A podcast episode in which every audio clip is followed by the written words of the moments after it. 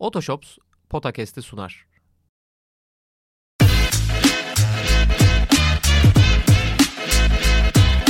Potakest. Kaan Kural ve Orkun Çolakoğlu'yla NBA gündemine haftalık bir bakış.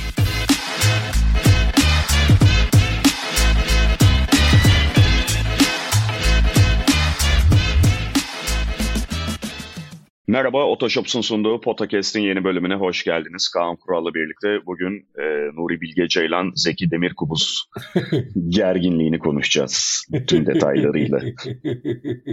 Sen Dostoyevski'yi savundun. Sen şey Tarkovski'cisin. Abi ben yayını izleyemedim. Yani dünden beri, dün geceden beri Twitter'a düşen şeyleri takip ediyorum. Bugün ilk boş vaktimde oturup izlemeye başlayacağım. Çok merak ediyorum. Valla ben de izleyemedim de. Zevki Demirkubuz'un filtresizliğini bildiğim için tahmin edebiliyorum yani.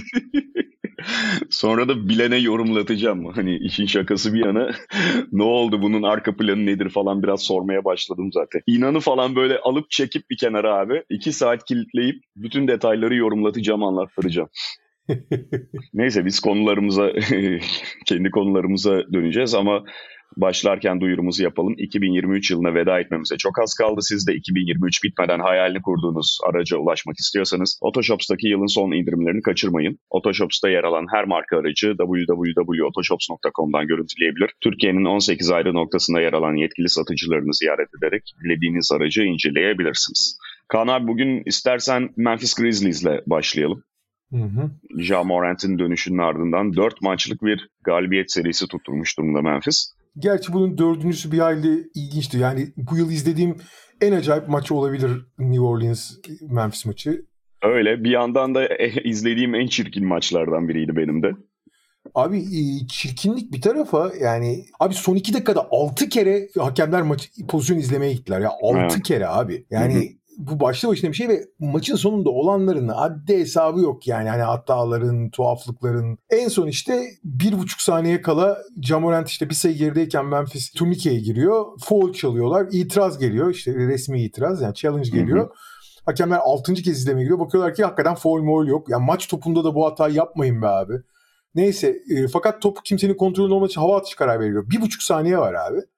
Hı hı. Orta sahada hava atışı. Trey Murphy çok akıllı bir şey topu tipliyor ileriye doğru. Yani süre bitecek diye. Desmond Bain topu tutuyor. Nokta 4 var. Mola alıyor. Abi nokta 4'te yapacağın tek şey var abi. Zaten potanın yakınlarına atmaları lazım. Çünkü atıp şut atacak tam bir süre yok. Evet atıp tutabilirsin ama şut Tipi çıkaracak kadar... Efendim?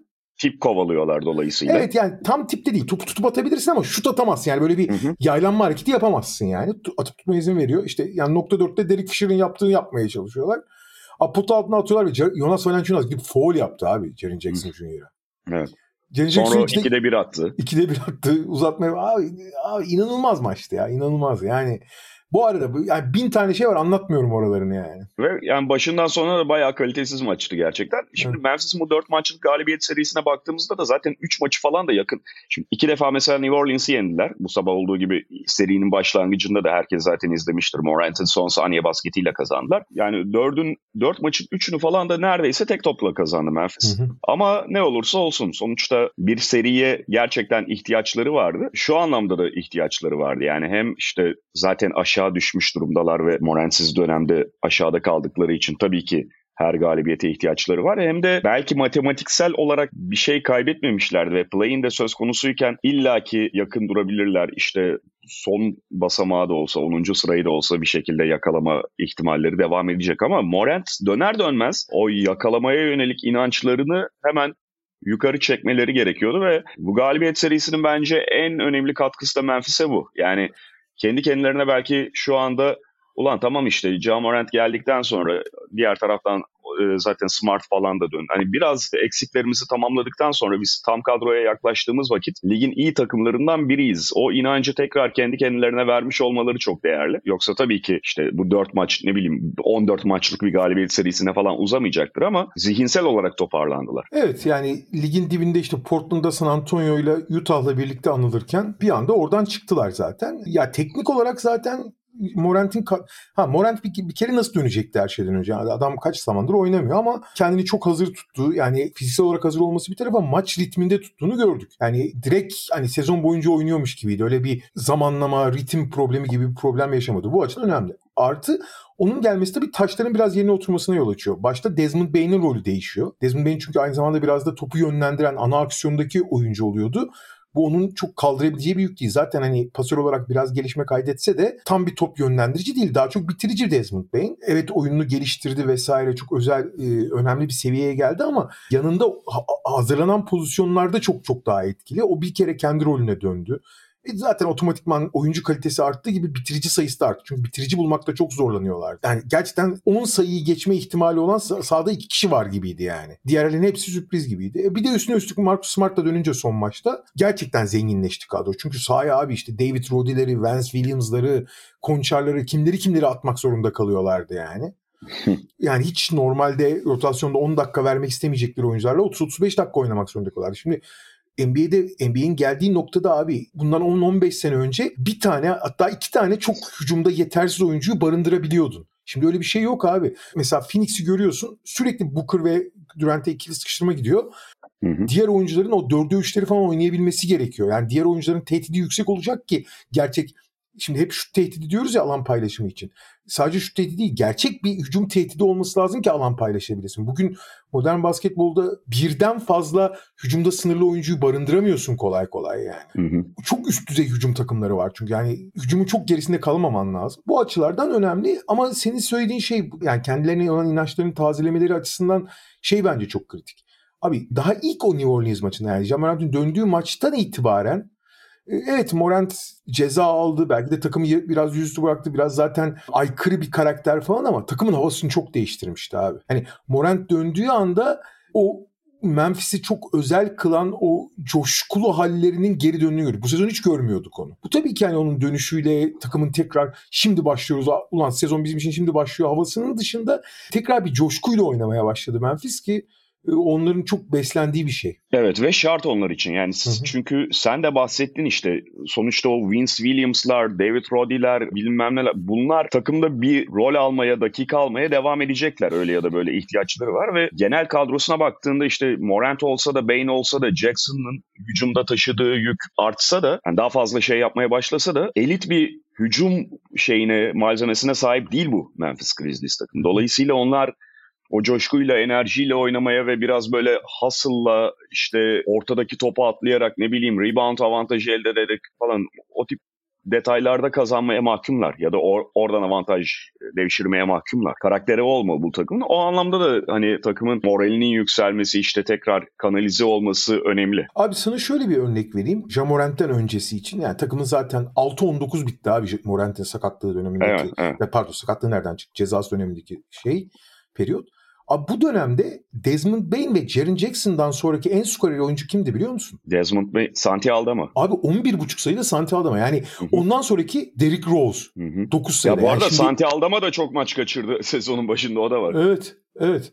Yani şimdi bu takımın ne kadar sınırlı olduğunu daha iyi anlatan bir şey yok herhalde yani e, hücum anlamında özellikle. O kadar yani hakikaten şey işte Marcus Smart gitti. Hani evet. Marcus Smart'ın zaten daha önce de konuşuyorduk. Sonuçta Marcus Smart'ın Morant'ten boşalan yeri tam olarak doldurmasını istemezsiniz. O zaman çünkü Marcus Smart da bozuluyor ama mahkumlar başka yapacak bir şey yok ama Marcus Smart da sakatlanıyor. E zaten işte Brandon Clark sakat, Tillman sakatlanıyor bilmem ne.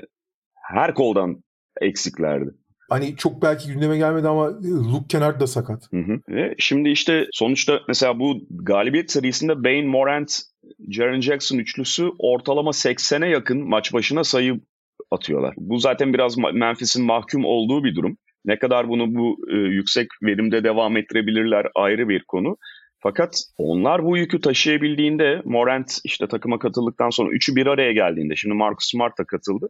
En azından o Vince Williams'lar işte Biombo'lar, David Roddy'lerin yaptığı işin de bir önemi şeyi kıymeti oluyor. Yani onlar da kendi rolleri dahilinde işte çöpçülüklerini mi dersiniz şeylerin o işlerini yap, yapıyorlar ve bu da Memphis'e artı değer katacak. Yani bu oyuncuları çok fazla hücum limitleriyle konuşmaya gerek kalmayacak belki de en azından normal sezon için. Abi o kadar çaresizleşmişlerdi ki Jalen Novel'i almışlardı yani ki hı hı. Jalen Novel biliyorsun işte atar ve gerisine karışmaz bir adam yani ve onu da çok verimli yapmadığı için pek tutunamamıştı.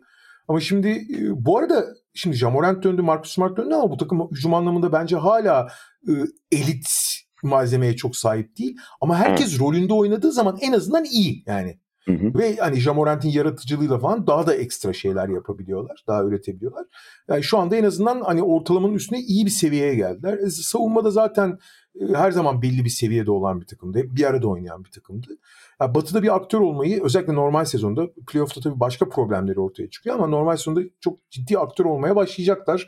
Herkes sahada olabildiği sürece. Ya mesela e, işte son olarak şey söyleyeceğim. Bu sabah kazandıkları New Orleans maçı. Şimdi dediğimiz gibi çok kötü maçtı zaten kalite anlamında. Ki Memphis'in de yüzdelerine baktığınızda normalde 2023 işte 2024'e giriyoruz. Bugünün basketbolunda %43 genel isabet, %24 üçlükle falan ve 17 top kaybetmişken kazanman çok mümkün olmuyor. Ama işte rakip de aşağı yukarı o yüzdelerde kaldı. Ve mesela o diğer oyunculardan falan da bahsediyoruz ya ya da Morant geldiğinden sonra bile Memphis elit hücum takımı değil diyoruz. 17 blok yaptılar abi işte. Yani bunlarla biraz kazanmak durumunda Memphis. 17 evet ekstrem bir miktar yani sürdürülebilir bir miktar değil. Biraz New Orleans'a yazılması gereken bir durum bu belki ama öyle ya da böyle maçın içinde kalıp çirkin bir maçı kazanmayı başardılar. Bu arada abi New Orleans yani maç ne kadar kötü olsa Brandon Ingram o kadar öne çıkıyor ya. yani bu bir taraftan hani olumlu çünkü işler kötü giderken yani en makbul, en büyük fark yaratan şeydir o. Yani sıkışmış oyunda çözüm üretebilen oyuncu. Hı hı. Ondan daha değerli hiçbir şey yok. Bunu hiç yani hakkını verelim. Fakat aynı zamanda bir taraftan da şunu da gösteriyor çünkü diğer maçları görüyoruz. Abi oy, oyun akıcılığını çok bozan bir oyuncu Brandon Ingram ya. Yani oyun aktığı zaman, işleri gittiği zaman da hani geri planda kalmasını istiyorsun çünkü hiçbir zaman dahil olamıyor onlara. Evet ama dün akamadılar zaten yani işte evet, öyle bir işte durum da var. akmadığı zaman sana çok büyük fayda getiriyor oyun tek başına yani e, bireysel bir şey yaparak. Ama oyun akıcılığına da dahil oluyor. Yani esas müspet olan yani esas yıldız oyuncu oyun akarken katkı verir. Oyun akmazken de çözer bunu yani. Hani hı hı. lavabo aç yapar yani. Ama oyun akıcılığına hiç katılmadığı zaman başka problemler yaratıyor yani. Ee, ve yani şey karar verme noktasında çok ciddi sorunları var. New Orleans'ın. Zaten hani evet, oyun evet. kurucusuzluk gibi çok böyle belirgin kağıt üstü bir problemleri var. Bu sahaya da yansıyor işte. CJ McCollum'a ikili sıkıştırma geliyor. Tamam yani o ikili sıkıştırma otomatikman top kaybı demek değil ama hücumu bir anda tekletiyor. Bir anda o şeyi kaybediyorlar. Akıcılığı kaybediyorlar mesela ya da Brandon Ingram. E, Zion Williamson başka problemler de oluyor. Diğer oyuncularda zaten öyle bir e, yeti yok. Abi Zion zaten hani o şu anda basketbolda etrafına takım oluşturmanın en zor olduğu oyunculardan biri bir taraftan. Hı hı. Gene Zion'ın özelinde olup bütün takıma yansıyan abi çok üst düzey ve çok kötü savunmacılardan kurulu bir takım. Yani çok zor kombinasyon. Yani hakikaten belki de ligin en iyi dış savunmacısı Herb Jones var. İşte Dyson Daniels var. Yani hakikaten iyi savunmacı. Ee, Najee Marshall iyi savunmacı falan. Ama bir taraftan da işte pozisyonları için gerçekten korkunç savunma seviyesinde olan Jonas Valanciunas'lar, işte Abi Jonas Valanciunas o kadar düştü ki ıı, savunma konusunda. Zayn'dan kötü diyeceğim neredeyse. Yani ki Zayn felaket yani. Peki Phoenix'e geçelim istersen buradan. Yine şimdi az önce de sen onlardan, onlar üstünden ufak bir örnek vermiştin. Gerçekten çok kötü durumdalar. Bir kere zaten Batı'da 11. sıraya kadar gerilediler. Belki yarışın çok uzağında kalmış değiller ama 11. sıraya gerilemek başlı başına bir olay. Çünkü bundan bir süre önce gayet yukarılardaydı Phoenix Suns ki son 12 maçta 9 yenilgi almış durumdalar. Evet eksikleri, sakatlıkları, bu tip problemleri oldu işte. Şu anda yine Bradley Beal'ın sakatlığı var. Zaten sezon başından beri çok fazla oynayamadı Bradley Beal iki farklı sakatlık sebebiyle. Yusuf Nurkic iki maç falan kaçırdı kişisel bir e, problem nedeniyle. Daha önce sezon başında Devin Booker'ın yokluğu vardı vesaire vesaire ama Phoenix'in genel kötü gidişatı ya da sahada yaşadığı problemler de sadece Bradley Beal'ın yokluğu ya da iki maçtır Yusuf Nurkic'in yokluğuyla açıklanabilecek şeyler gibi değil. Görüntü o yönde. İşin ilginç yanı hem Beal hem Booker yokken yani Durant tek kalmışken daha iyi gözüküyorlardı. Evet. Booker döndü fakat o sezon başındaki görüntüsünden biraz uzak yani çok çok etkili olamıyor. Bunda çok temel bir sebep var yalnız. Ee, şimdi bu takımın kurgusu işte Durant, Beal, Booker olacak ve yanına işte rol oyuncuları onların yarattığı avantajlardan beslenecek. İşte yani DeAndre Ayton'da olmuyor zaten. Arkaya da bir tane Nurkic en azından rebound alır, işte büyük kalır falan filan gibi bir kurgu vardı ve temelde işte şimdi çok gündeme geliyor. Oyun kurucusu oynamayı tercih eder. Oyun kurucu almadılar. İşte Devin Booker oyun kurucu pozisyonuna geçti. Şimdi bunun faturalarını ödüyorlar diye.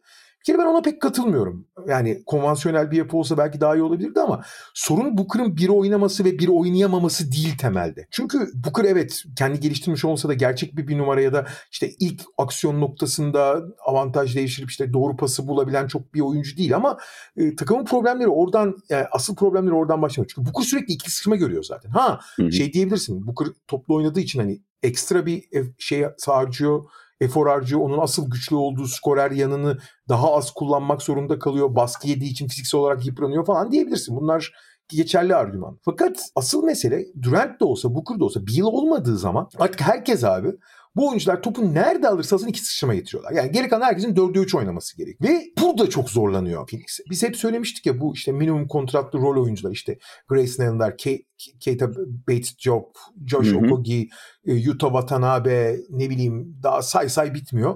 E, bence o konuda hiç fena iş yapmadılar yani yönetim olarak. Çünkü gerçekten Eric Gordon falan gibi bir takım isimleri kadroya kattılar ve onların hepsi farklı farklı özelliklere sahip olduğu için kimisi daha savunmacı, kimisi daha şütör vesaire. Bunları doğru kombinasyonlarla kullanabilirsin. Fakat şöyle bir şey var abi. Eric Gordon hariç kimse bu dördü üçleri avantajı çok fazla devşiremiyor. O yüzden de bu ikili sıkıştırmayı kimse cezalandıramıyor. Bu ikili sıkıştırmalarda yıldız oyuncuları acayip özellikle Booker'ı daha çok. Durant çünkü ikili sıkıştırmadan biraz daha etkileniyor çok uzun olduğu için. Ama özellikle Booker'ı çok bozmuş ve takımın bir türlü bir ritim bir, bir oyun kimliği kazanamamasına sebep oldu. Şey de çok önemli. Şimdi abi ikili sıkıştırma yaptığın zaman şeye toplu oyuncuya. Top döndüğü zaman 4'e 3 oynuyorsun ve bu biraz doğaçlama gerektiriyor doğal olarak. Bir yaratıcılık Hı-hı. gerektiriyor. Fakat bu avantajlısın. Bu avantajı kullanamazsan zaten hani rakibin aldığı riski ya da ayırdığı kaynağı cezalandıramamış oluyorsun. Bu bir. İkincisi Abi sürekli böyle oynarsan da ritim de kazanamıyorsun abi. Çünkü sürekli bir doğaçlama var. Anlatabiliyor muyum? Hı hı. Ezber, alışkanlık, e, sahanın içindeki yayılım falan gibi şeyler hiçbir zaman oturmuyor. Çünkü her hücum baştan sıfırdan yaratılmış bir şey gibi. Yeni bulmaca gibi yani. Ve bu zaten hani ritim kazanması zor bir takım yıldızların yerine çok baktığı için. Burada çok zorlanmaya başlar. Fakat daha önemlisi şimdi burada zorlanıyorlar evet. Ama bu bir süreç vesaire. Bradley Beal'ın dönmesini Bradley Beal dönse daha doğrusu bu üçü bir arada olsa teorik olarak aslında bu çok daha kolay olacaktı.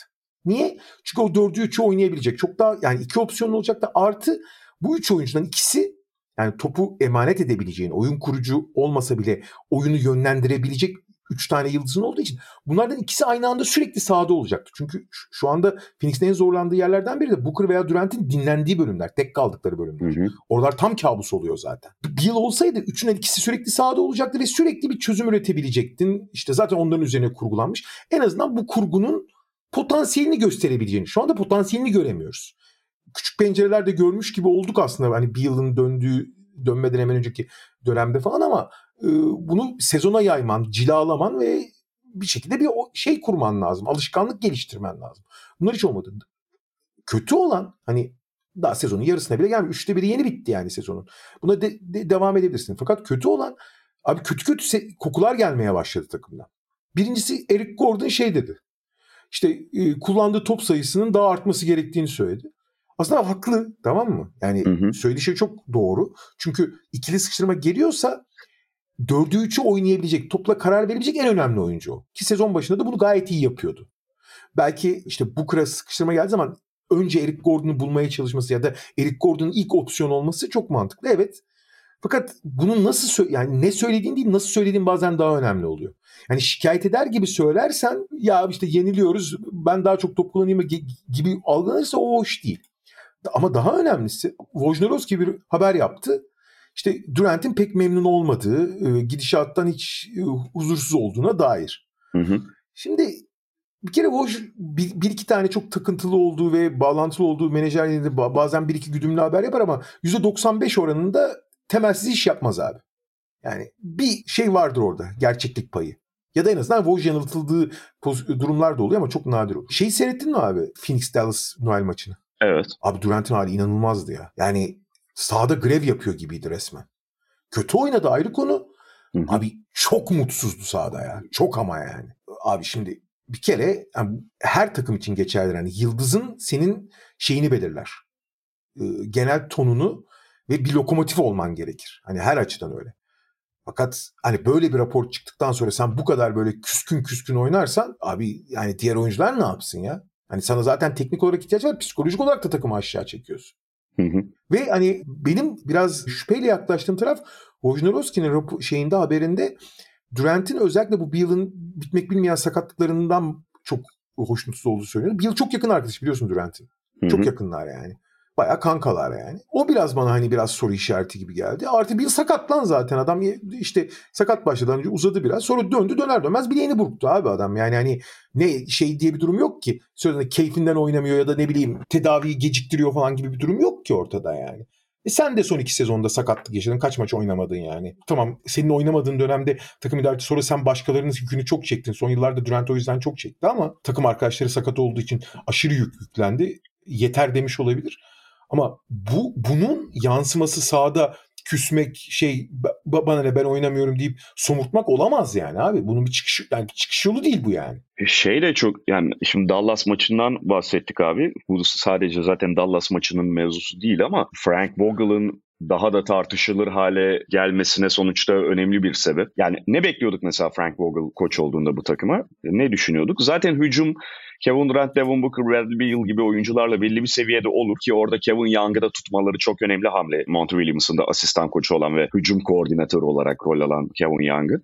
Onu da tuttular. Frank Vogel'ın savunmaya katacağıyla bu takım elindeki malzeme belki problemli olabilir belli açılardan. Yani süper bir savunma malzemesi olmayabilir ama Vogel onu biraz daha yukarı çekecektir ve bir hücum savunma dengesi dengeleri olacaktır diye düşünüyorduk. Ama korkunç savunma yapıyorlar şu anda.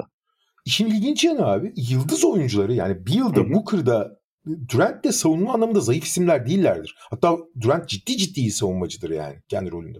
Ve şey yani hem ortalamada düşmüş durumdalar hem de mesela Dallas maçı falan felaket. Yani Luka Doncic'e ne yaptıkları belli değil. İkili sıkıştırma gösteriyorlar ama tam göstermiyor gibiler.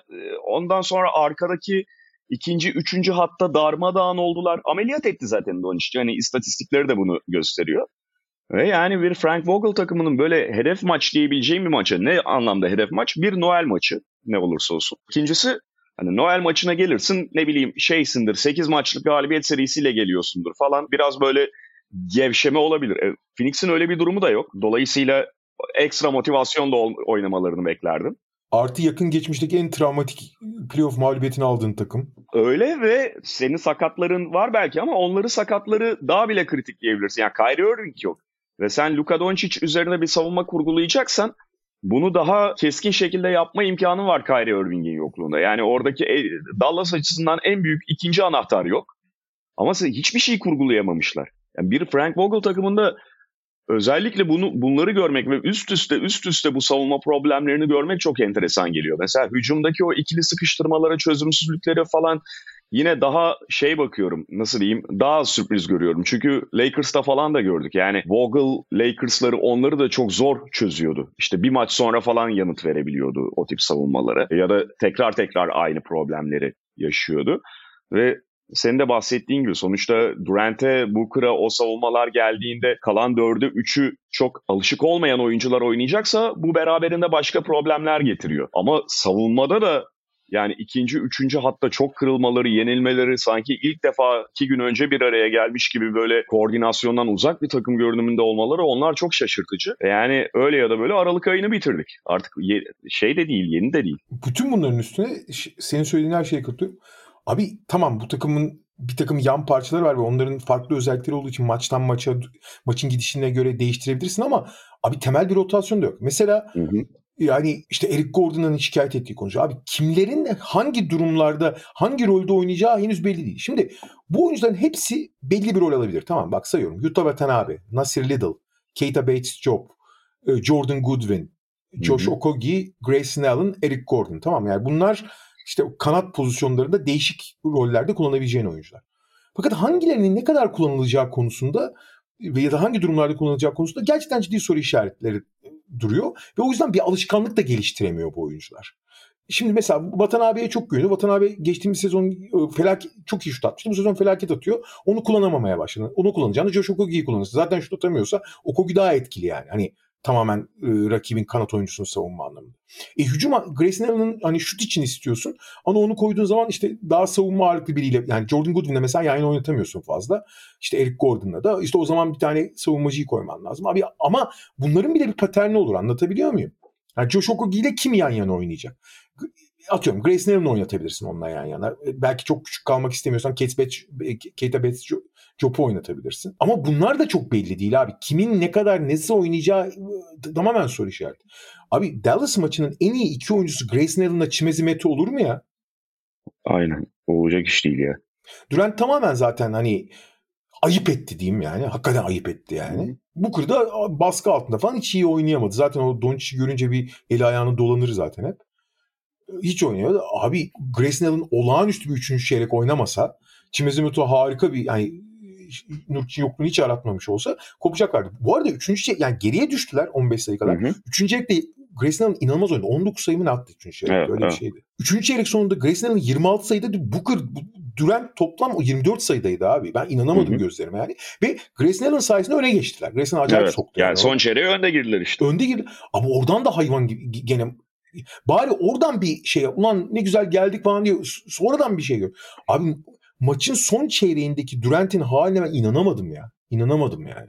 Öyle abi ve yani ben de işte hani hücum savunma bir ona bir ona sallıyoruz da e, şey hakikaten olacak iş değil abi yani şimdi Luka Doncic'in ne kadar olağanüstü bir oyuncu olduğunu konuşmaya anlatmaya gerek yok ama Kyrie Irving'in falan olmadığı bir maçta Doncic'ten hem 50 sayı yiyip hem de 15 asist yemezsin abi.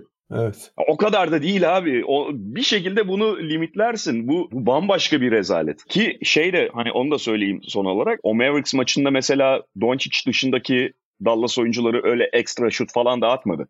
Yani şey olmuştur atıyorum. E, normalde böyle ben 15 asist Doncic falan görsem ve işte Dallas'ta 128 bulmuş. Ulan herhalde sürekli ikili sıkıştırma getirdiklerinde Doncic pası verdi. Onun üstünden de şutları takır takır soktular, darmadağın ettiler Phoenix'in savunma stratejisini diye. Yani tam olarak öyle bir şey de yoktu Doncic dışındaki oyuncularda. Ama ne Doncic'i tutabiliyorsun ne takımın genel ritmini bozabiliyorsun. Rakibinin genel ritmini bozabiliyorsun. Ya Doncic çok ekstra bazı şeyler soktu ama yani normal o da yani. Ya o zaman işte onu şey yapacaksın hani bir şekilde o ekstra sokacak da hani ya 50 yemeyeceksin ya 15 asist yaptırmayacaksın dediğim gibi. Eğer Kyrie Irving de yoksa sen de artık bir Frank Vogel takımıysan ama işte Frank Vogel takımı gibi falan da gözükmüyor şu anda Phoenix Suns. Peki Boston'a geçelim istersen.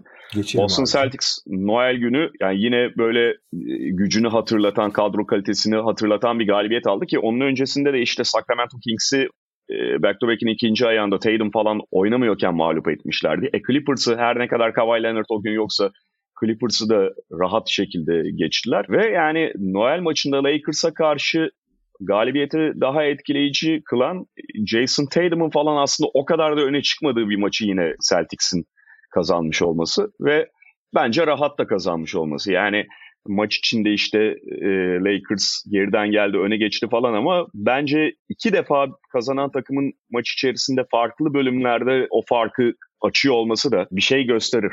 Ve sonuçta Lakers'ın dönüşüne, maç içi dönüşüne izin vermeye de bilirlerdi. Ee, ne bileyim belki 30'a da gidebilirdi bu maç. İşte yine Derek White'ın, yine Porzingis'in falan aslında sürüklediği bir Celtics performansı izledik. Bu anlamda da ne, onların ne kadar çok yönlü, ne kadar çok fazla silah sahip olan bir takım olduklarını hatırlattı. Ya aslında hani Noel maçı diyeceksek tabii Lakers e, yeni bir döneme giriyor. Bu D'Angelo ilk 5'ten çıkarıldı ve e, fizikli, aşırı fizikli yani. Vanderbilt, Cam Reddish, LeBron, Davis ve şey e, Prince. Ha Prince. Yani anormal fizikli bir beşle hı hı. oynuyorlar. Ee, bu biraz şey Avrupa takımlarına benziyor. Euroleague'de de yaparlar. Aşırı savunmacılarla başlayıp hani maça bir ton koyarsın. Hakemlere ve rakibe bir mesaj verirsin. Sonra biraz daha hücumcular girebilir. Orlando mesela yapıyor bunu. Ee, hı hı. işte kenardan getiriyor. Şöyle söyleyeyim ya o maçı ya LeBron'un sezonundaki en kötü maçıydı. Hakikaten çok kötüydü LeBron. Yani LeBron biraz normal oynasaydı. Ki işin ilginç bir gün önce de Oklahoma City karşısında sezonun en iyi maçını oynamıştı. Olağanüstü oynamıştı yani. Lakers kazanabilirdi o maçı. Ama işte LeBron o kadar kötü olunca özellikle ilk 5'te her şey Davis'in eline kaldı. D'Angelo Russell zaten sudan çıkmış balığa dönmüş durumda. Austin Reeves etkili olamıyor. Prince biraz ekstra şut soktuğu için hani geri döndüler falan ama yani hücum çok yani Prince ekstra şut soktu. Davis olağanüstü oynadı. Bir şekilde maçın içine kaldılar ama yani o maçı kazanabilirdi eğer LeBron iyi olsaydı Lakers. O maç dışında yalnız Boston'ın gösterdiği bir görüntü var. Şimdi maçta şöyle bir şey de oldu. Maçın ilk yarısında sakatlandı Jalen Brown LeBron'la çarpışıp ve ondan sonra etkisi çok düştü. Tatum da çok kötü bir maç oynadı. Ee, Tatum da kötüydü bu arada. Fakat bu seneki Boston'la ilgili en bence geçtiğimiz yıllardan ki bu takım yani 7 senede 5 kere konferans finali oynadı. Ee, iddialı ve bu çekirdek geçen sene hani şampiyon önceki sene final oynamış. Geçen sene de şampiyonun önemli favorilerinden biriyken tamam konferans finali kaybetti ama hani ligin en prime ve en favori 3-4 takımından biri birkaç senedir. Fakat bu takımın onlardan çok önemli bir farkı var. Birincisi daha tempolu oynuyor Boston. Acayip transition kovalıyor. Geçtiğimiz yıllarda çok transition, evet transition oynuyorlardı ama sıradan bir transition takımıydı. Özellikle bu sezon çok kovalıyorlar. Ve hı hı. hakikaten de çok etkililer. Tamam bir Sacramento değiller belki. Sonuçta temeline transition koymuş bir takım değil ama transition'da çok etkiliyorlar ve bu bence çok iyi bir teşhis. Çünkü e, modern oyunda abi geçtiğimiz playofflarda çok daha fazla gördük. 3 sayı varyansı oyunun dengesini çok değiştirebiliyor. Ona da çok fazla yapabileceğin e, yani tabii ki en doğru şutu seçmeye çalışıyorsun. Yani ana planın doğru şutu bulmak, belli bir sayının üzerinde üçlük atmak, belli bir sayının üzerinde şutör barındırmak. Ama biraz varyans meselesi o. Kötü bir günündeysen, kötü şut atıyorsan da e, kötü şut atmışsındır. Hani alternatifler bulabilirsin, daha çok içeriden oynayabilirsin vesaire ya da işte oyun tutmaya çalışabilirsin ama o bir varyans yapacak. Şey Fakat önemli olan sete sette oyunu kırmak çok kolay olmuyor. Transition'da yarattığın farkla esas büyük farkı yaratıyorsun. Ne kadar çabuk geçiş hücum yani savunma yerleşmeden ne kadar çok pozisyon bilebiliyorsun. Çünkü artık sahada o kadar fazla skor opsiyonu var ki takımların. Biraz evvel bahsettiğimiz konu. Yani en az 4 tane iyi hücumcu olduğu için savunma yerleşmeden geldiğinde bulduğun her boşluk herhangi bir sete set oyununda en kaliteli oyuncunun bulacağı fırsattan daha değerli oluyor ve daha yüksek oranda skor üretiyorsun. Çünkü e, şimdi NBA oranları yarı tüm NBA ortalaması için konuşuyorum. Bazı takımların daha güçlü, bazı takımların daha zayıf olduğu, bazı takımlar transition'da daha güçlü, bazı takımlar yarı sahada daha güçlü. Evet. Mesela hı hı. Lakers iyi bir yarı saha takımı. Ama onlar için bile geçerli bu. Abi transition'da işte galiba 107 ofensif yani 1.707 sayı üretiyorsun. Transition şey e, yarı sahada transition 1.06 mı öyle bir şey. Şey transition'da 1.2'lere kadar çıkıyor. Hı hı. Yani 5 hücumda bir sayı değiştirir bu yani. Buralardan büyük fark yakalıyorsun. Ve Boston bu sene çok daha fazla transition oynuyor. Zaten Lakers maçının da galibiyeti transition'da. Transition sayılarında 27'ye 2 miydi öyle bir şeydi durum yani. Hı hı. Orada kazandı Boston ve transition'da acayip iş yaptı. Lakers'la ilgili beni en çok ayak kırıntı uğratan da e, transition disiplinsizliğiydi Lakers'ın ki e, bu kadar sen savunma ağırlıklı bir takımda çıkıp bir de transition'da bu kadar disiplinsiz davranırsan hani transition'da geri ko- geri koşma e, eskiden hep şey denirdi. Geri koşma, geri koşacağız, geri koşacağız. Abi geri koşmak yeterli değil artık. Geri koşacaksın zaten. Geri koşmadan adamını bulmak, yerleşmek. Adam, çok, çok erken adamını bulacaksın abi. Çok erken yani. Ee, çok kaçırdı Lakers o konuda ee, ve oradan kaybettiler. Fakat ikinci önemli faktör hani çok basit bir şey. Geçen seneden değişen oyuncular. Drew ve Kristaps Porzingis. Şimdi Drew Holiday, zaten tamam mı? Sezona biraz hafif yavaş girmişti ama şimdi ritmini buluyor. Daha da iyi oynuyor. Ama Drew ne yapacağını biliyorduk ve Drew büyük oranda onu yapıyor. Marcus Smart ayrıldıktan sonra mesela Boston'da net bir oyun kurucusu yok. Evet bir numara Derek White gibi gözüküyor ama Jalen Brown'da, Jason Tatum'da, Drew Holiday'de top yönlendirmeyi yapabiliyor. Bu görevi de paylaşıyorlar. Boston zaten ligin en görece basit oynayan takımı. Penetre pas üzerinden oynuyorlar. Penetre pas üçlük. Ligin en fazla üçlük frekansı yüksek takımı. Hı hı. Çünkü sahada zaten 5 şütörlü oynadıkları için sahayı çok iyi yayabiliyorlar. Artı 5 şütörün yanında 4 tane iyi penetreci de olduğu için iyi ya da yani ortalama üstü penetreci. Penetre pas, penetre pas, penetre pasla yağmur gibi yağıyorlar. Şutları iyi baş, iyi şut attıkları günde de zaten sürklese ediyorlar. Batı turunda iki maçta 150 attılar abi. Clippers'a birinde daha 140 küsür attılar yani. Atıyorlar da zaten. Durduramıyorsun yani öyle. Fakat burada yani Drew Day, Drew Day ve güzel bir ekleme. Burada en bence beklenmedik dediği diyebileceğin oyuncu Kristaps Porzingis abi. Şimdi geçen sene Washington çok fazla hani yoğunda izlemedik ama geçen sene Washington'da da bu değişimi göstermişti. Ama Washington'da olduğu için çok göze batmıyordu bu abi. Bu sene Boston'da çok daha net görülüyor. Abi Porzingis çok değişmiş. Hakikaten çok değişmiş. Ha sa- sağlık onun için her zaman bir numaralı öncelik olacak. Sağlıklı kalıp kalmayacağı her zaman soru işareti olacak. Şu ana kadar sağlıklı. Geçen sene de sağlıklı geçirmişti. Umarız hep sağlıklı kalır ve sahada görürüz. Fakat Porzingis oyununu çok değiştirmiş abi. Porzingis ta New York'ta hani MVP adayı olur mu diye konuşulacak seviyeye çıktığında bile 2.19'luk bir 2 numara gibi oynuyordu. Hatırlarsın. Hı hı. İki numara gibi oynuyordu. Yani işte daha çok şut atmaya yöneliyordu. Te- teması çok sevmiyordu. Onu mesela şeyde post-up'ta denemeye çalıştıklarında korkunç verimsizdi. Evet. Abi post-up oyunlarında 0.6 sayı üretiyordu abi. NBA'nin en kötü oyuncusu falan da ya post-up'ta. Ulan 2.19'sun dönüp atsan daha iyi atarsın diyorsun yani ama hiç yapamıyordu. Zaten temas zaten hiç sevmez vesaire vesaire. 2 numaraydı yani. Hatta teması Grace Nairn'ın 2.19'luk versiyonu gibiydi neredeyse yani. Fakat abi Porzingis geçen sene de bunu göstermişti. Dikkat çekmemişti. Bu sene gösteriyor. Abi Porzingis artık zayıf bir 5 numara gibi oynuyor. Evet hala temas hı hı. konusunda yani vücut vücuda temas konusunda ciddi dezavantajları var. Zaten 2.19 olduğun zaman şöyle bir dezavantaj oluyor. Ağırlık merkezin çok yukarıda olduğu için alttan seni iten oyunculara karşı şey yapamıyorsun. Belinin altından güç veremediğin için ağırlık merkezin yüksek olduğu için o vücut temasında pozisyon kaybediyorsun. O çok doğal bir şey yani. E, ne oluyor? Go- Gober bile kaybediyor yani öyle söyleyeyim. Ama Porzingis artık abi ne kadar uzun olduğunun açılarının ve savunmada bulunması gereken yerlerin çok daha farkında. Asla bir, iyi bir birebir savunmacı değil ama çok iyi bir çember koruyucu. Ciddi bir blok tehdidi. Zaten çok uzun olduğu için. LeBron iki tane acayip blok yaptı mesela maçta ki sezon boyunca da görüyorsun zaten. Ve genel olarak da kapattı pot altını. Yani Lakers'ın bütün Anthony Davis belki bireysel olarak iyi bir maç çıkardı hücumda ama Lakers'ın diğer oyuncularının pot altı şeyini falan püskürtmüş oldu Paul Porzingis. Artı zaten Boston'da olağanüstü yani pozisyon için olağanüstü seviyede savunmacılar olduğu için Drew Holiday, Derek White, Tatum eskisi kadar olmasa da hala iyi savunmacıdır yani dikkat et biraz Jalen Brown. Hani zaten birebir yenilmiyor takım. Hani her tür ikili oyunda, üçlü oyunda ya da kaçırdıklarında da arkada bir tane böyle kaleci var. Daha ne olsun yani. Hı hı. Ama bunların öne ötesinde abi Porzingis çok fazla devrilerek oynuyor artık. Potaya evet. giderek oynuyor. Ve acayip bitiriyor oralardan.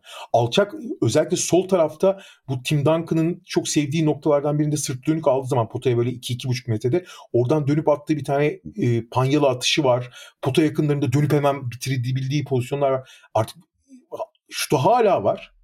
E, ki zaten o şut özelliğini kaybetmiş değil. Hala olağanüstü yani gerçekten çok çok iyi bir şutör. Bu sezon çok iyi atmıyor. %34 ile atıyor ama iyi bir şutör olduğunu biliyorsun. Ama 5 numara gibi oynadığı zaman hele ki böyle bir takımda çok daha büyük değer katıyor. Yani Porzingis'in iyi bir ekleme olduğunu sağlıklı kaldığı sürece herkes biliyordu ama geçen seneki Washington'daki değişimin tam olarak ne olduğunu görmeyenler ya da hani onu çok ciddiye almayanlar bence çok daha fazla görüyor. Boston'ın beklediğinden çok çok çok daha önemli bir ekleme o. Kesin öyle ve kariyerinin açık ara en yüksek yüzdeli performansı bu. %53. Üçlüyü inmesine rağmen bunu sağlamış durumda. Çünkü her şeyi dışarıdan atmıyor abi. Evet ve yani hakikaten maçın net en önemli oyuncusuydu, en iyi oyuncusuydu. Ve yine en önemli oyuncusuydu ve yine iyi maç at, iyi şut atmadı. Bomboş kaç tane üçlük kaçırdı yani ona rağmen en iyi oyuncusuydu. Ya şey bak dedim ya yani Lakers maç içinde döndü sonra Celtics bir daha şey yaptı. Celtics biraz daha iyi şut atsa %31'de e, kaldı Celtics ki şut kalitesine falan kıyasla hakikaten hem evet. o şut kalitesine hem de atan oyuncuların kalitesine kıyasla hakikaten bunun çok daha yüksek olması gerekir. Lakers da kendi standartlarının üzerindeydi. Sen de yayında bahsediyordun. Yani Lakers'ın sonuçta %41'i falan bulduğu evet daha az şeyde atıyorlar, miktarda atıyorlar Celtics'e kıyasla ama onların %40'ları bulması falan zaten şey oluyor genelde. Galibiyet yazılan maçlar oluyor. Ama Lakers'a yetmedi. Öylesine farklı bir boyutla kazanmayı başardı Celtics. Ve hakikaten yani bunu biraz geçen hafta da konuşuyorduk. Yani hem ekstrada hem podcast normal podcast'ta konuştuk galiba. En iyi kadro Celtics. O konuda fikir birliğine varmış durumdayız. Tabii ki en iyi kadro şampiyonluğa gitmiyor direkt olarak. Yani başka birçok faktör var işte. Geçen sene de belki en iyi kadroydu bilemiyoruz. Ee, ama yolda kaldılar. Fakat o kadroyu daha da geliştirmiş, daha da çok yönlü hale getirmiş durumda Celtics. Ama yine daha önce de konuştuğumuz konu Abi maç sonu oynamayı hiç bilmiyorlar. Yani burada hı hı. Mazula ve Tatum baş sorumlu ama sadece onlar da sorumlu değil. Abi Tatum'un zihinsel bir... Abi Tatum ligin süper yıldızlarından biri. Adam hani daha şimdiye kadar yaptıkları yeter. Yani yaptıkları yapacaklarının garantisidir yani.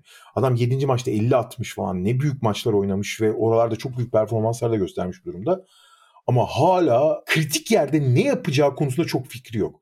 Hani bugün en ortalama takımın lideri bile oyunun özgül ağırlığının yüksek olduğu yerlerde oyuna nasıl ağırlık koyacak? Ne yapması gerektiğini biliyor. Yapıyor yapamıyor ayrı koy. Yapanlar zaten süper yıldız oluyorlar. Yapamayanlar da hani e, çakma yıldız olarak takımla birlikte mağlup oluyorlar. Ama Tatum bilmiyor abi. Yani top elinden ya geriye çekilip geriye adım atarak üçlük atıyor. Tek bildiği o. Ya da başkasına veriyor topu. Hep diyordum ya. E, bütün kritik topları niye Marcus Smart kullanır abi bu takımda? Çünkü onu buluyor top yani bir şekilde. Tatum çünkü tek bir hamleyle işte bir tane perdeden gelip işte eskiden çok iyi yaptığı bir şey vardı. O dirseğe e, foul çizgisine kadar gelip oradan bir şuta kalkıyordu. Zaten çok uzun olduğu için rahat da atabiliyor. Bir nevi hani Durant taklidi gibi yapabiliyordu. Fason Durant gibi. Onu da yapmıyor abi artık böyle bir de şey değil. Yani Lebron'un ya da başka yıldız oyuncunun gözleri çakmak çakmak olur ya topu ister.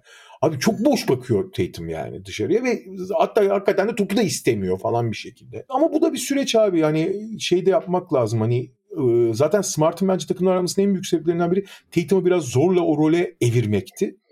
Ee, ama düşününce mesela 2011 öncesi LeBron da benzer durumdaydı abi. 2011'den sonra bir değişim yaşadı LeBron. Neyse maç sonuna getirmezlerse problem yok Celtics açısından. Evet, işte. Yani o, öyle bir öyle bir gücü de var bu takımın. Yani Aynen. teorik olarak maç sonlarına bırakmayabilirler birçok maç galibiyet. Ama yani bu kadar kaliteli takımın bu kadar rezil maç sonu oynaması hakikaten inanılmaz ya. Peki bitirirken de kısaca istersen Toronto Raptors konuşalım. Onlar da kötü durumdaki takımlardan biri. Üst üste 3 yenilgi. Dahası son 13 maçta 10 yenilgi bu Toronto Raptors. Ve zaten Doğu'da da bunun sonunda 12. sıraya kadar gerilemiş durumdalar. Evet belki hala play'inin falan çok uzağında kalmadılar ama yani bu kadronun artık yolunun bittiğine dair zaten çok fazla şey konuşuluyordu. Geçen seneden hatta önceki seneden beri ama biraz daha buna izleyenleri ikna ettikleri bir sezon oluyor şu ana kadar. Zaten Schroeder'in oraya işte Fanfleet sonrası Schroeder'in oyun kurucu olarak gelmesi ve e, takımın genel şut problemiyle birlikte Schroeder'in uyumsuzluğu kağıt üzerinde gözülen bir şeydi. Son dönemde iyice bunu yaşamaya başladılar. Schroeder hani fena başlamamıştı sezona fakat son dönemde o da kötü oynuyor. Zaten Siakam'ın sıkıntı yaşadığı bir sezonu genel olarak izliyoruz. İşte başka parçalar yani Scottie Barnes falan mesela geçen seneye göre daha iyi ama parçaların birbiriyle uyumsuzluğu çok bariz Toronto Raptors'ta.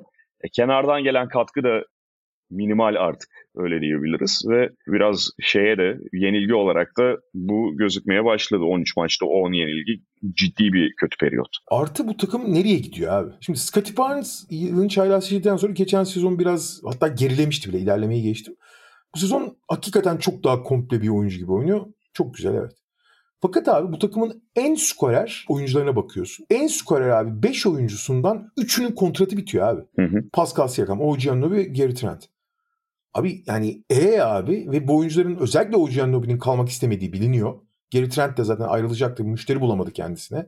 Hı. Pascal Siakam'ın da durum Pascal Siakam da çok kalmak istemiyor ama Pascal Siakam o kadar kötü bir sezon geçiriyor ki kimse almak istemeyecek onu artık yani. Pascal Siakam her sene üstüne koya koya gelip geçen sene All-Star hatta All NBA yani NBA'nin en iyi 3. E, beşi yani NBA'nin en iyi forvetleri arasına girmişken bu sezon hiç şut bulamadığı için %24 ile üçlük atıyor abi bu sene Pascal Siakam oyunda acayip gerilemiş durumda.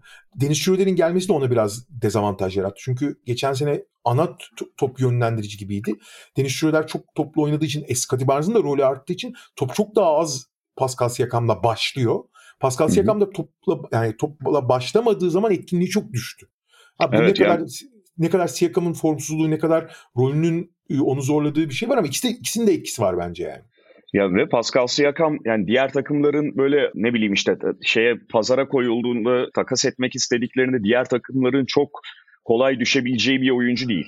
Çünkü entegre etmesi zor bir parça haline evet, geldi işte, yıllar Abi söylediğimiz gibi topu elinde istiyor çünkü yani. Hı-hı. Ve topu elinde olduğu zaman etkili ama çok da etkili değil. Seni çok da yukarı çıkarmıyor. Bir yerden sonra zarar. E OG bir sezona iyi girmişti sonra feci gidiyor. Yani kendi standartının çok altında gidiyor o da sezonun ilk bir ayından beri. Evet hala ligin en önemli dış savunmacılarından biri ama biliyorsun onun bir hücumda rolünü artırmak gibi bir sevdası var. O yüzden savunma konsantrasyonu bir tık düşmüş durumda. E Schroeder'i zaten biliyoruz abi. Schroeder kısıtlı rolde ve kısıtlı sürede kullandığı zaman çok etkili. Rolü ve dakikası arttığı zaman zarar veriyor direkt. Çok, topu çok eveleyip geveliyor. Tamam muazzam penetreci ama asla penetre özel. Hani kendi yarattığı avantajı ki asla başkasına devşiremiyor. Kendi kullanıyor avantajı yani. Ve e, çok dağınık. E, Jakob Pöttl iyi bir sezon geçirmiyor. Bakıyorsun bireysel olarak kimse iyi sezon geçirmiyor. Biraz işte yani Scottie Barnes dışında belki biraz açıyor biraz bir şeyler verdi ama o kadar. E, herkes bireysel olarak düşmüş diyor. Takım takım kimse Scottie Barnes hariç gelecek sezon bu takımda olup olmayacağından ya da rolünden belli değil. Hani geçici şey gibi askerlik gibi yani bir taraftan ya da ne bileyim hani geçici görevle gelinmiş gibi oynuyorlar bir taraftan da. Ya bu takım için bence bir tane ihtimal vardı. Deli gibi savunma takımı olacaklardı. Yani parçalara evet. baktığında da işte Pöltl var arkada bekçi olarak. Schroeder'le baskıyı başlatabilirsin. Zaten Anunoby gibi, Barnes gibi atletik fizikli kanatların var. Siakam keza o rolleri hiç fena değildir. Tabii tabii yani öyle bir savunma takımında o da rolünü bulur ama savunma performansları da çok kötü. Yani bu takıma göre, bu malzemeye göre feci. En, en kötü e, savunma takımlarından biri değiller ama bu takımın savunma verimliliğinde 15'in altında falan olması, 17. sırada olması başarısızlıktır. Çünkü zaten hücumla bir yere gelemeyecekleri ya da hücumun en iyi ihtimalle vasat seviyelerde olabileceği belli. E, nitekim baktığında hücum verimliliğinde son 10 içerisinde yer alıyorlar. E, savunma da ortalamanın altında kaldığında geçmiş olsun. Fena. Yani Toronto Raptors'a şunu çalışın bile diyemiyorum. Takas yapın diyebiliyorum en fazla. Takas çalışın. Ama yani ben e, bu takımın Ojiano ve Pascal Siakam'ın ikisinin birden ki hani Gary Trent de dahil bunu aslında. Ya Gary Trent'in müşterisi yok şu anda. İyi bir sezon geçirmiyor çünkü de hı hı. E, sonuçta şutördür. Ne olursa olsun her zaman bir adres bulunur. Bunlardan en az iki tanesinin takas döneminin son, sonrasında takımda kalması ihtimalini görmüyorum. Eğer öyle olursa zaten bu görevi suistimaldir. Yani geçen sene Fred VanVleet'te yaptığı hatayı ve verdiği zararı devam ettirse Masai Ujiri hakikaten görevine son verilsin. Şey de çok acayip abi. Geçen Amerikan Mutfak'ta konuşuyorduk. Hani son 10 yılın hatta son Popovic için 25 yıl diye diyebilirsin. Son 25 yılın en başarılı koçu. Tarihin en büyük koçlarından biri Popovic. E, Masai Ujiri son 10 yılın en başarılı yöneticilerinden biri. 3 değişik takımda çok başarılı dönemler yaşamıştı falan. 2 değişik takımda pardon. Bu sezon hani en başarısız koç ve en başarısız e, genel menajer için ciddi aday ikisi de yani. Öyle. Bakalım yani Popovic tarafına gelmiyorum ama Masai Ujiri işte bir takasla falan bu şeyi değiştirebilir. Kendisiyle ilgili anlatıyı tekrar çevirebilir. Abi geçen sene Fred VanVleet'te yaşanan şey yani sezon sonuna kadar takımda tutup sonra da karşında hiçbir şey almadan kaybederse yani bir GM'in yapabileceği en büyük takıma ihanet olur yani. Çünkü bu takım bir yere gitmiş. Hani takım bir yere gidiyor olsa, hani tabii bir hedefi olsa, bir potansiyeli olsa tamam sezon sonuna kadar oyuncular kalsın. Sonra sezon sonunda yeniden anlaşmaya ya da şeye bakarsın. Hı hı. Ama bir yere gitmiyorsun abi zaten. Evet. Peki Bugünlük bu kadar diyelim o zaman. Dört takımı konuştuk. Otoshops'un sunduğu podcast'ten bu haftalık bu kadar. Zaten bu hafta podcast ekstramız da var. Onu da hatırlatalım. Tekrar görüşmek üzere diyoruz. Hoşçakalın. Herkese mutlu yıllar da dileyelim 2023'ün evet. sonunda. Mutlu yıllar diyoruz. Zaten bir kez daha dileyeceğiz bunu. Doğru doğru dileyeceğiz. Hoşçakalın. Hoşçakalın. Otoshops Podcast'i sundu.